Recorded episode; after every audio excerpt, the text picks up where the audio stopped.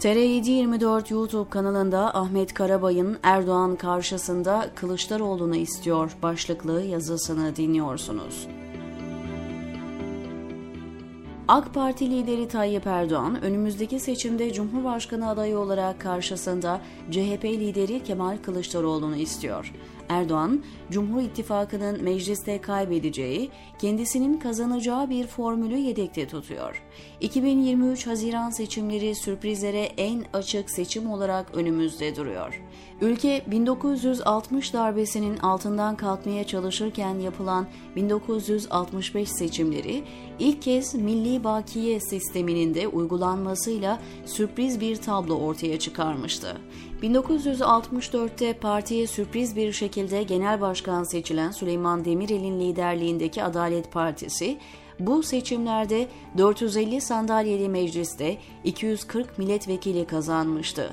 Seçimlerin başka sürprizleri de vardı. Türkiye'de ilk kez bir sosyalist parti, Türkiye İşçi Partisi, milletvekili çıkararak mecliste temsil hakkı elde etmişti.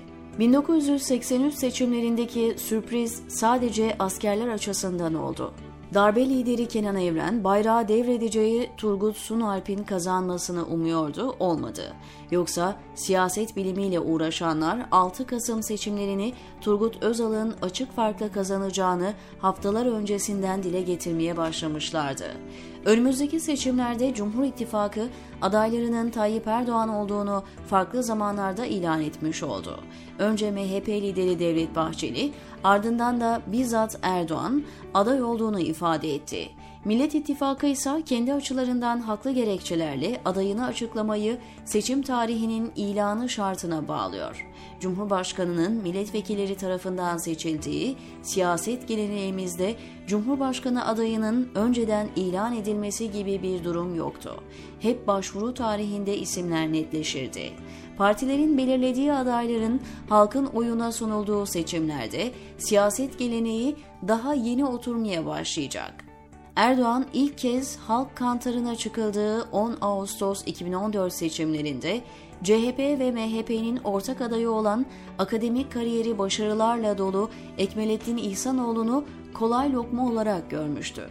Beştepe Sarayı'nın şimdiki sahibi, Batı'nın kullandığı kiracı tabiri daha doğru, Tayyip Erdoğan, yapılacak seçimlerde kendisine en uygun rakip olarak Kemal Kılıçdaroğlu'nu görüyor.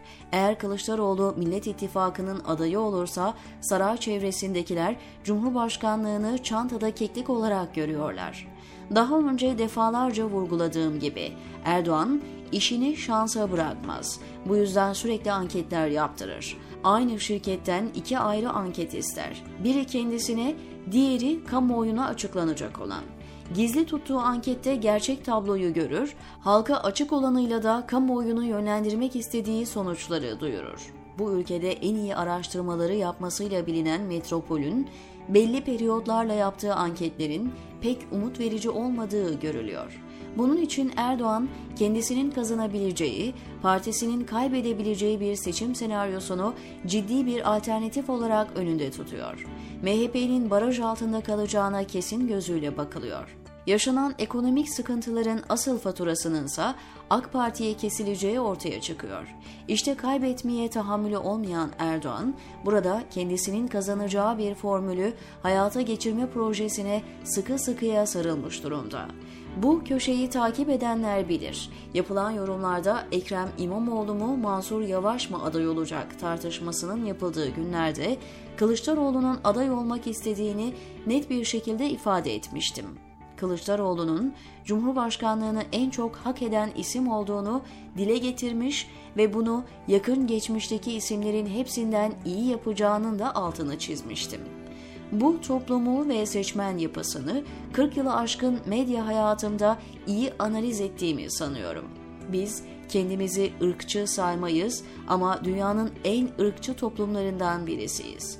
Örneğin mezhep ayrımı yapmadığımızı öne sürsek de sünnicilikte kimse elimize su dökemez. Bu yüzden Kılıçdaroğlu'nun aday olmasıyla bu mezhepçi toplumda sandık riske atılmış olur. Dahası Cumhurbaşkanlığının bir kez daha Erdoğan'a altın tepsi içinde sunulması ihtimali güç kazanmış olur. altılı masada Kılıçdaroğlu'na sen aday olmamalısın diyen birinin çıkması kolay görünmüyor.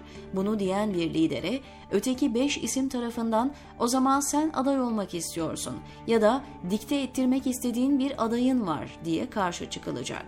Bu riski göze almak istemeyen Millet İttifakı'nın öteki 5 lideri Gabriel Garcia Marquez'in Kırmızı Pazartesi romanındaki gibi hepsi kaybedeceğini bile bile Kılıçdaroğlu'nun adaylığına giden yolu açabilirler. Eğer rakip Cumhur İttifakı'nı yanıltmak amacıyla Kılıçdaroğlu'nun adaylığının öne çıkması bir yanıltma girişimi olarak yapılıyor olabilir mi? Doğrusu zor bir soru. Bu arada Edirne Belediye Başkanı Recep Gürkan gibilerin yaptıkları çıkışlar, gelecek seçimlerde kendi koltuklarını garantiye alma çabasından öte çıkışlar olarak görmemek gerekiyor. Esasında bir partinin kendi genel başkanını cumhurbaşkanı olarak görmek istemesinin altında hiçbir şey aramak bile gerekmiyor. Benim yukarıdaki ifadem bir kötü niyetli yorum olarak bile görülebilir. Bilindiği gibi Erdoğan daha önce kendisine ve partisine hizmet etmiş isimleri küstürmez. Uygun bir koltuk yoksa bile yeni bir makam ihdas edip onları oturtur. Ama bu kez gerçekten kendisi için yaptığı çalışmaları kritik olarak gördüğü bir komisyon kurdu. Bu komisyon meclis çoğunluğunu kaybetmesi halinde Cumhurbaşkanı'nın neler yapabileceği üzerinde çalışıyor. En başta da dediğim gibi Erdoğan Kılıçdaroğlu'nu dişine göre buluyor ve Millet İttifakı'nın adayı olarak karşısında görmek istiyor, diyor Ahmet Karabay TR724'deki köşesinde.